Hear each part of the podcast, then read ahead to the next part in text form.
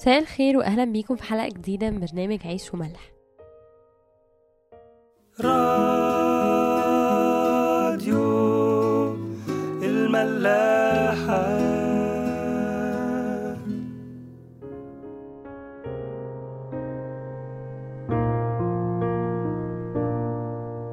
مكملين مع بعض في سفر نشيد الأنشاد الإصحاح الثاني. وصلنا مع بعض لحد آية 3 حابة إن إحنا نقراها تاني مع بعض لأن إحنا لسه هنفضل واقفين فيها برضو النهارده بقالنا فيها يمكن 3 أو 4 حلقات. آه، الآية بتقول كالتفاح بين شجر الوعر كذلك حبيبي بين البنين. تحت ظله اشتهيت أن أجلس. وكنا وقفنا عند النقطة دي واتكلمنا كتير عن إزاي إحنا مطلوب مننا إن إحنا نبقى مختلفين وإزاي المسيح كان مختلف. وعشان إحنا بس لو بقينا معاه هنبقى مختلفين كنتيجة أو بالتبعية. في الحلقة النهاردة هنقف عند الحتة اللي بتقول وثمرته حلوة لحلقي وهنعرف إزاي إحنا ممكن بسهولة جدا آه، بنبقى مختلفين أو هنفهم إزاي إحنا كرد فعل طبيعي لوجودنا مع المسيح بنبقى مختلفين.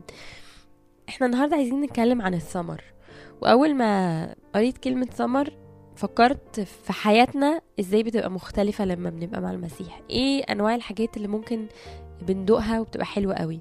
حاجات كتير بنلمسها في يومنا على طول يمكن العناية الإلهية الاهتمام الحب الشديد. حاجات كتير قوي بتفرق في حياتنا. النعم والعطايا كتير قوي اللي بيديها لنا المسيح. كل دي حاجات بنحس إنها حلوة. بس كلمة ثمر خلتني أتوجه لحاجة تانية والكلمة إحنا يمكن بنسمعها على طول بس عايزين نفصصها شوية النهاردة. هي ثمار الروح القدس أو الثمر اللي بيظهر في أفعالنا وفي تصرفاتنا وفي شخصيتنا أول ما بنقرر إن إحنا نقعد تحت ظل المسيح أو إن إحنا نمسك فيه أو إن إحنا نعيش وهو قائد الحقيقي لحياتنا عن طريق قيادة الروح القدس. ولما فكرت في ثمار الروح القدس على طول فكرت إن إحنا محتاجين نقرأ مع بعض رسالة بولس الرسول لأهل غلطية آه، ونفتح الإصحاح الخامس ونقرأ كده من أول آية 16 مع بعض. بيقول إيه بولس الرسول؟ بيقولوا إنما أقول اسلكوا بالروح فلا تكملوا شهوة الجسد لأن الجسد يشتهي ضد الروح والروح ضد الجسد وهذان يقاوم أحدهما الآخر. بولس بيقول إنه بيطلب مننا إن إحنا نسلك بالروح مش بالجسد لأن مشيئة الروح ضد مشيئة الجسد والعكس. حتى تفعلون ما لا تريدون. فبيقول لنا إنه اعملوا اللي أنتم مش عايزينه لأن جسدكم هيطلب منكم طلبات بس مش مش هو ده اللي أنا عايزكم تعملوه. أنا عايزكم تعملوا اللي الجسد مش بيطلبه منكم. تعملوا عكس المشيئة بتاعتكم.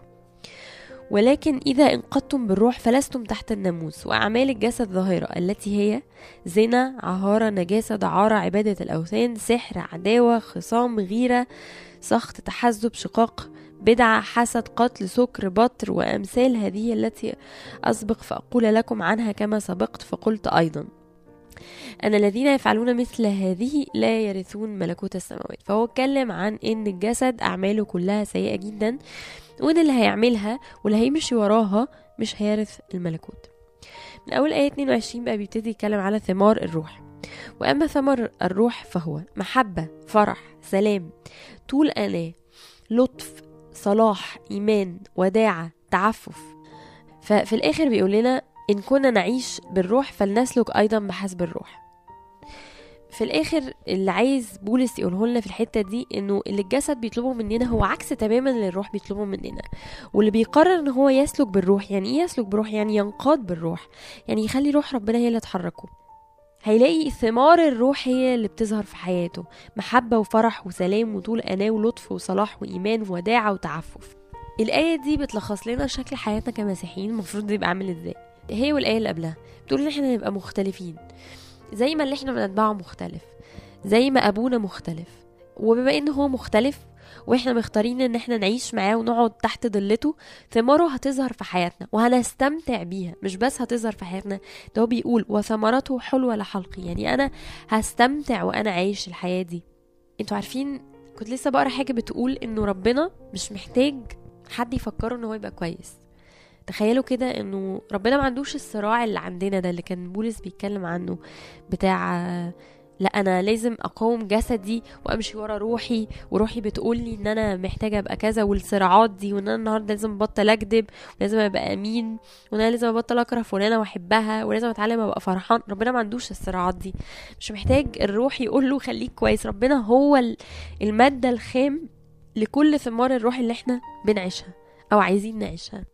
فاحنا محتاجين نلزق في المادة الخام دي محتاجين نمسك في المادة الخام دي. محتاجين إن إحنا نبص له كده ونقول له يا إلهنا يا يا صالح يا محب يا يا اللي مليان سلام يا اللي عندك طول أناة ملوش حدود يا اللي مليان لطف وصلاح. كل الحاجات الحلوة بتاعت سمر روح دي نبص له ونقول له نلتفت إليه ونقول له يا رب إحنا نفسنا إن إحنا نعيش النهاردة زي ما أنت عايش على طول. نفسنا إن إحنا ناخد منك يا رب. نفسنا إن إحنا نعيش منقادين بروحك. الفكرة كلها إن ربنا طول ما إحنا ماسكين فيه هو عايز يحركنا في الاتجاه المظبوط. هو عايزنا نعيش الثمار دي عايزنا نعيش الحياة دي. بس إحنا مش مدربين نفسنا إن إحنا نسمع صوته. لو إحنا فعلا قاعدين تحت ضلته زي ما الآية بتقول هنعرف نسمع صوته وننقاد بالروح القدس. فحياتنا تبقى مليانة ثمر. الفكرة إن إحنا ندرب نفسنا إن إحنا نسمع صوت الروح. كتير قوي ناس بتقول أنا مش عارف أسمع صوت ربنا أنا مش عارف ربنا عايز مني إيه. وده مشكلته إن إحنا مش مدربين نفسنا على إن إحنا نسمع صوت ربنا كويس. كل واحد فاكر إنه ربنا هيجي ويكلمه بشكل مباشر أو هيجي ويقول له اعمل كذا كذا كذا. مش قادرين نعرف إنه ربنا هيبقى ليه طريقته الخاصة مع كل واحد فينا ليه أسلوبه ليه طريقة اللي هيتكلم بيها عن طريق الروح القدس مع كل واحد فينا بشكل مختلف. كل اللي إحنا محتاجين نعمله إن إحنا نبقى أمنا وعندنا لجاجة في طلب إن إحنا آه، ننقاد بالروح وإن الروح هو اللي يحرك يومنا. يكفي بس إن إحنا كل يوم أول ما نصحى نقول يا رب أنا بسلمك اليوم حركني. نطلب من الروح القدس إن هو يحركنا يرشدنا. كتير قوي بنتحط في مواقف في حياتنا وبيبقى سهل قوي إن إحنا نسلك حسب الجسد. بس لو إحنا مسلمين يومنا لربنا أنا متأكدة إن ربنا في الوقت ده هيبعت لنا آه، همس كده عن طريق الروح القدس عشان يحرك اليوم في اتجاه مختلف خالص. وفي الآخر مفيش حد هيستمتع بالتصرفات الصح ومفيش حد هيستمتع بإن هو يسلك حسب الروح قدنا. إحنا أكتر ناس بنتبسط لما بنتصرف زي ما الروح عايزنا نتصرف وأكتر ناس بنحزن وبنتعب لما بنتصرف زي ما الجسد عايز. الإنجيل بيدينا أمثلة كتير قوي عن ناس عاشت في حياتها بقيادة الروح القدس وقدرت إن هي تحصد الثمار دي آه، وبانت قوي في القصة بتاعتهم. فمثلا لو خدنا قصة رعوس ونفتكر مع بعض رعوس حكايتها كانت عاملة إزاي. رعوس اتجوزت وبعد ما اتجوزت جوزها مات وحماتها رجعت تاني للبلد لإسرائيل ورعوس قررت إن هي ترجع معاها قررت إن هي ما تسيبش حماتها. وفضلت تشتغل وتساعد حماتها وهي اللي كانت بتصرف عليهم وبتصرف على البيت أو يعني هي اللي بتساعدها إن هي تجمع لهم أكل وكده عشان هم ياكلوا. تخدم حماتها وبتساعدها لحد في الآخر كل البلد كانت بتتكلم عن حب رعوس لحماتها. اللي ما شافوش زيه قبل كده. عادة يمكن في حياتنا بنشوف إنه إنه دلوقتي في الجوازات يعني عادة ال- البنات اللي بيتجوزوا بيختلفوا مع حماتهم أو ما بيبقوش عايزينها تتدخل أو أو أو. لكن بنشوف إن رعوس لأن هي كانت فعلا منقادة بالروح ولأن هي كانت عايشة فعلا مع ربنا حياة حقيقية. ثماره ظهرت في حياتها بشكل كبير جدا. إن هي قدرت تقدم محبة بشكل قوي قوي لحماتها لدرجة إن كل الناس كانت بتتكلم عنها. لو اتكلمنا برضو عن الفرح وهناخد بس أول حاجتين في الثمار اللي هما محبة وفرح آه، وشفنا حد كان مثال قوي قوي الفرح بولس.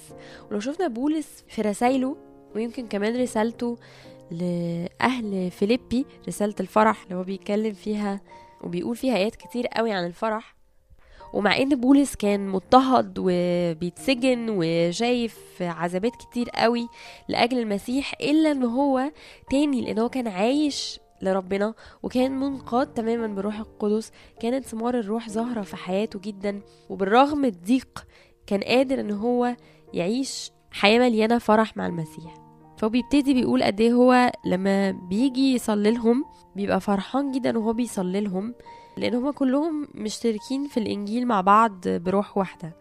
في الإصحاح التاني آية 17 و 18 بيقول لكني وإن كنت أنسكب أيضا على ذبيحة إيمانكم وخدمته أصر وأفرح معكم أجمعين.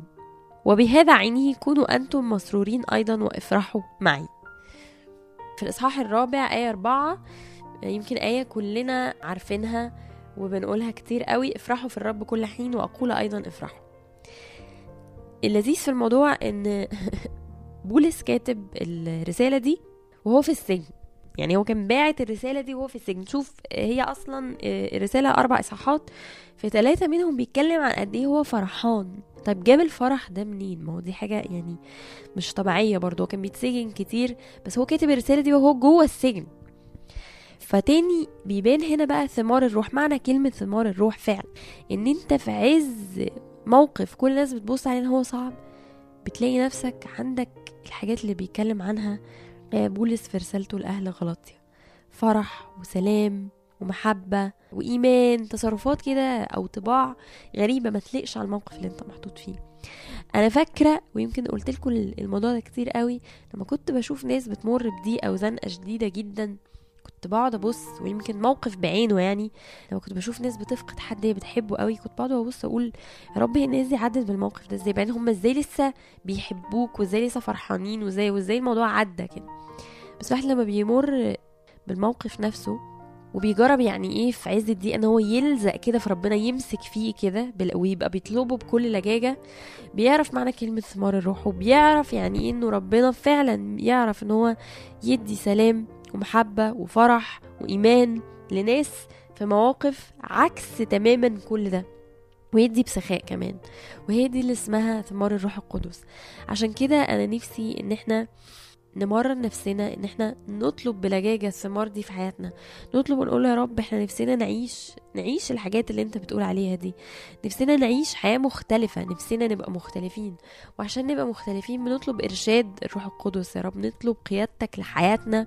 عشان في المواقف اللي إحنا المفروض نتصرف فيها ونأسف في بعض نعرف نقدم محبة يا رب. عشان في المواقف المفروض فيها نضطرب نعرف نكون عايشين في سلام حقيقي يا رب. عشان في المواقف المفروض فيها نبقى زعلانين ومكشرين وخايفين وقلقانين على البلد. نعرف يا رب نبقى فرحين ونعرف نشكر. ونعرف بجد إن إحنا نبقى مختلفين. لأن الاختلاف ده مش هيجي إلا منه هو بس. هو المادة الخام زي ما كنت بقول لكم. هو المادة الخام هو الأصل بتاع كل الحاجات اللي إحنا بنتكلم عنها. نفسي أقرأ معاكم تاني الايتين على بعض كده. في نشيد الأنشاد كالسوسنة بين الشوك كذلك حبيبتي بين البنات. كالتفاح بين شجر الوعر كذلك حبيبي بين البنين. تحت ظله اشتهيت أن أجلس وثمرته حلوة لحلقي. بتمنى إن دي تبقى قصة حياتنا فعلا مع المسيح ومع ربنا وتبقى هي دي شكل حياتنا وشكل علاقتنا بيه. أشوفكم من الحلقة الجاية ونكمل مع بعض نشيل الأنشاد.